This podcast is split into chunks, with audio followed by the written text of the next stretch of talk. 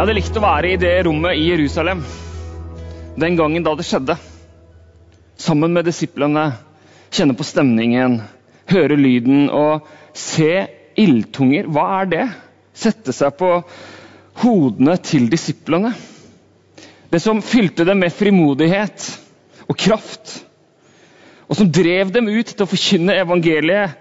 Jeg hadde likt å være til stede i det rommet i Jerusalem. Men denne søndagens tekst som vi hørte lest, er fra Johannes kapittel 20. Vi er til stede i et annet rom, 50 dager tidligere. Vi er tilbake på første påskedag, og det som preger disiplene, er ikke frimodighet og kraft, men det er frykt og redsel. De åpner ikke dørene av uh, uh, De åpner ikke dørene drevet av ånden, men de stenger dørene i redsel. Disiplene var redde men helt sikkert også fortvila. Jesus, deres store håp, han de på slutten hadde trodd kanskje var Messias. Han, hadde, han de hadde ofret så mye for å følge. Han som skulle snu situasjonen for deres folk. Fra undertrykkelse til frigjøring. Frelseren. Han som hadde stått opp mot øvrigheten. Han hadde blitt spikret til et kors og døde og bare hang der. Så ufattelig Død og stille og uten pust. Og Nå hadde dagene gått, og lufta i rommet begynte å bli tung. Men så, uten at dører åpnes, så sto han der midt iblant dem. Jesus! Midt iblant dem. Fred være med dere. Fred være med dere. To ganger sier han det. Shalom. Shalom. Som betyr mer enn hei. Halla. Shalom er et begrep som innebærer alt det beste. All velsignelse, all godhet, all fred, all glede, alt håp, alt som det skal være. Shalom. Fred være med dere. Det er slik Bibelen begynner.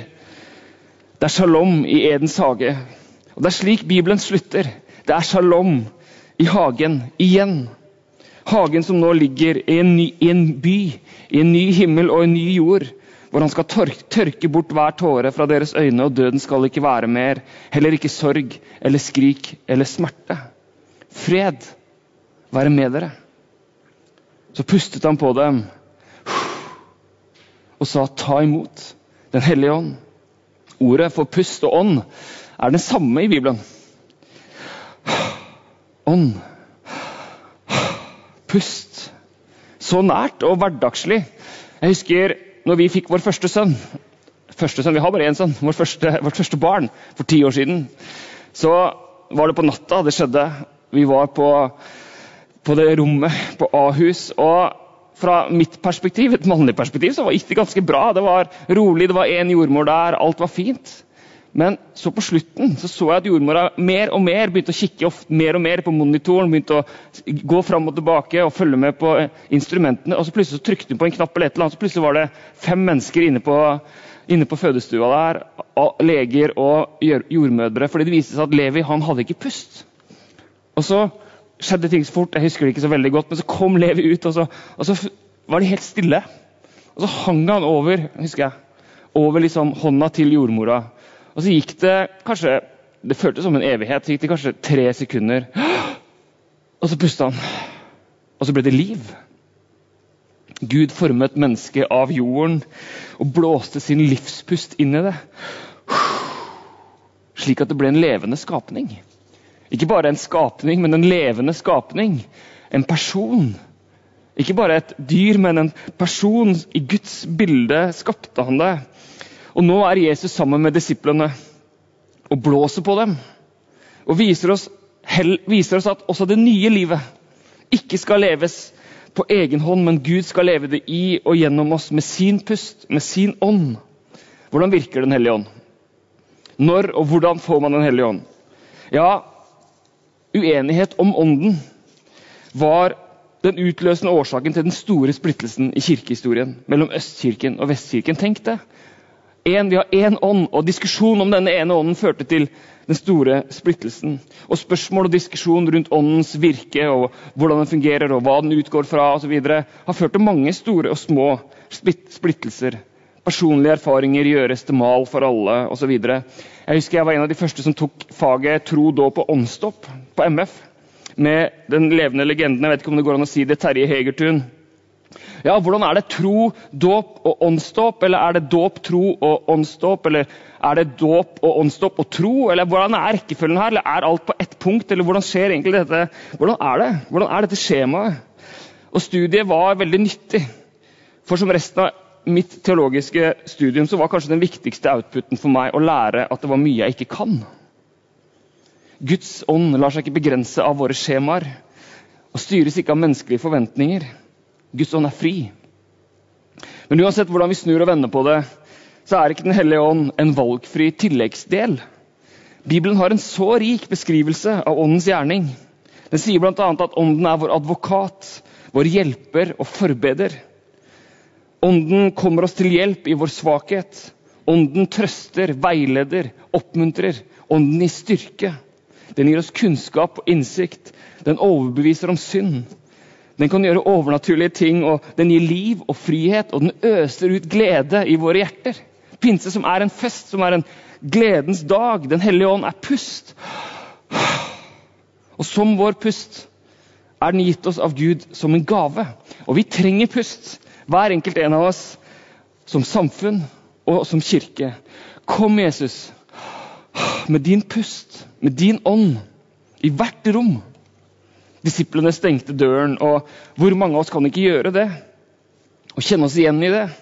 Vi låser døra, drar oss tilbake, senker gardinene, og det kan se så forskjellig ut. og Årsaken kan være så ulik. Motivasjonen kan være forskjellig. Det kan være skam, elendig selvbilde, sårbarhet som ikke vil tåle eksponering. Livsløgner som vi er avhengige av, og som trives best uten lys. Jeg vet ikke hvordan det rommet du befinner deg i akkurat nå, ser ut. Kanskje du måtte ha ryddet i timevis før du ville turt å ha besøk. Eller kanskje rommet ditt er Instagram-perfekt, Instagram hashtag vakre hjem. Samtidig som du knapt har orket å åpne døra til det innvendige rommet i det siste. For å se hva er det som finnes der. Kanskje de vakre omgivelsene du omgir deg med, mer, en, mer er en kompensasjon enn noe annet. Uansett. Uansett hvordan det ser ut. Uansett hva som er årsaken til at døra er lukket midt i alt som er. Midt i all virkelighet. Der du er akkurat nå. Der er Jesus sammen med deg. Der kommer Jesus. Han gjorde det den gangen, og han gjør det fortsatt. Han kommer, og så sier han fred fred være med dere. Jesus kom med pust. Det er, en, det er en statement. Jesus kom med pust, men det er også en bønn. Jesus, Jesus kom med pust. Kom med din oppmuntring. Kom med din styrke. Kom med din trøst. 8 minutter og 46 sekunder. Så lenge presset politimannen kneet sitt over nakken til George Floyd. I can't breathe. I can't breathe. Så gikk det to og et halvt minutt mens han ikke sa et eneste ord, og så døde han. Så dør han og blir nok et eksempel, nok et navn på den lange listen over svarte amerikanere som er drept av politiet. Vi er et land med et åpent sår, sa Joe Biden, som lider under systematisk rasisme. Kom, Jesus, med pust, med sannhet. I USA er det klart flest afroamerikanere som dør av covid-19. De har flere underliggende sykdommer, dårligere helsetilbud, er fattige, har ikke forsikring, bor tettere. Covid-19 som angriper pusten, lungene. Som gjør at ikke du får oksygen. Og som så ofte før, når kriser og katastrofer rammer, så er det de allerede fattige det går mest utover. De som har allerede har minst, mister alt. I Norge så kan staten pøse ut oljepenger til næringsliv og til foreninger for tapt pølsesalg og jeg vet ikke hva. Og til og med også menighet får nyte godt av noe av det. Mens i Malawi det ikke, var det lenge ikke konstatert en eneste smitte av covid-19. Rett og slett fordi det ikke var eneste test, en eneste test tilgjengelig. I favelaene i Sao Paulo er det én ambulanse, leste jeg på VG i går. Det er frykt for at koronapandemien skal sette arbeidet med å utrydde fattigdom mange mange år tilbake. Altså arbeidet med fattigdom og utrydde fattigdom. Altså, det betyr mange millioner mennesker med et navn som mister alt. Samtidig, i denne krisen, de siste to månedene, så har verdens 25 rikeste ifølge Forbes Magazine økt sine formuer med 255 milliarder dollar. Altså, De har økt formuen sin, de har bare tjent vanvittig mye penger på denne krisa. Flere av dem er så gode på skatteplanlegging at de knapt betaler skatt. Og så er vi så imponert når de donerer penger til veldedighet. Jesus, Jesus, kom med pust. Kom som veileder. Overbevis om synd. Jesus, kom med pust. Hvor er du? Ser du ikke at vi mangler pust? Jo, pinse er nyhetene om at Jesus nå er overalt og hos alle. Ved sin ånd. Jeg tror Jesus lå ved siden av George Floyd på asfalten. Jeg tror han går sammen med helsearbeiderne i Sao Paulo og er ved alle verdens intensivsengeplasser. Jeg tror også han er på kontoret til Mark Zuckerberg og Jeff Bezos. Edin Løvaas, som hadde blitt 100 år i år, han sa at gjennom Kristi himmelfart og pinse så er Jesu personlighet, hans sinnelag, spredt ut over hele universet. Han er nå nær den fjerneste stjerne, nær den minste lille dansende molekyl og nær hvert eneste menneskehjerte. Han er altså hos deg og meg, sier Edun. Jesus er overalt og hos alle, og nå også hos deg. Som Paulus sa til filosofene på Europagås, han er ikke langt borte fra en eneste en av oss. For det er i ham vi lever, beveger oss og er til. Det betyr også at han er i det mørkeste rom akkurat nå. Med hele sin personlighet og sitt sinnelag. Og han sier 'fred være med deg'. Ta imot Den hellige ånd. Og som kirke kan vi også be. Kom med pust. Kom med ditt liv, Jesus. Kom, Hellige ånd, med ditt liv. Blås liv i oss. For Jesus sier til disiplene som far har sendt meg, sender jeg dere. Og På pinsedag så gikk startskuddet for alvor. Bevegelsen har aldri stoppet siden. Og Vi som er her inne i dag, og du som følger med på dette, som er en del av kirken, vi får være en del av det store, fantastiske som Gud gjør i den verden. Og Så sier Jesus til oss, gå, jeg sender dere ut. Gå ut og gå inn i mørke rom. Vær til stede, vær mine hender og føtter. Gi lys og håp og vann og trøst. og Fortell at mørket ikke vinner til slutt. For jeg er overalt og hos alle, sier Jesus. Og folk trenger å vite det.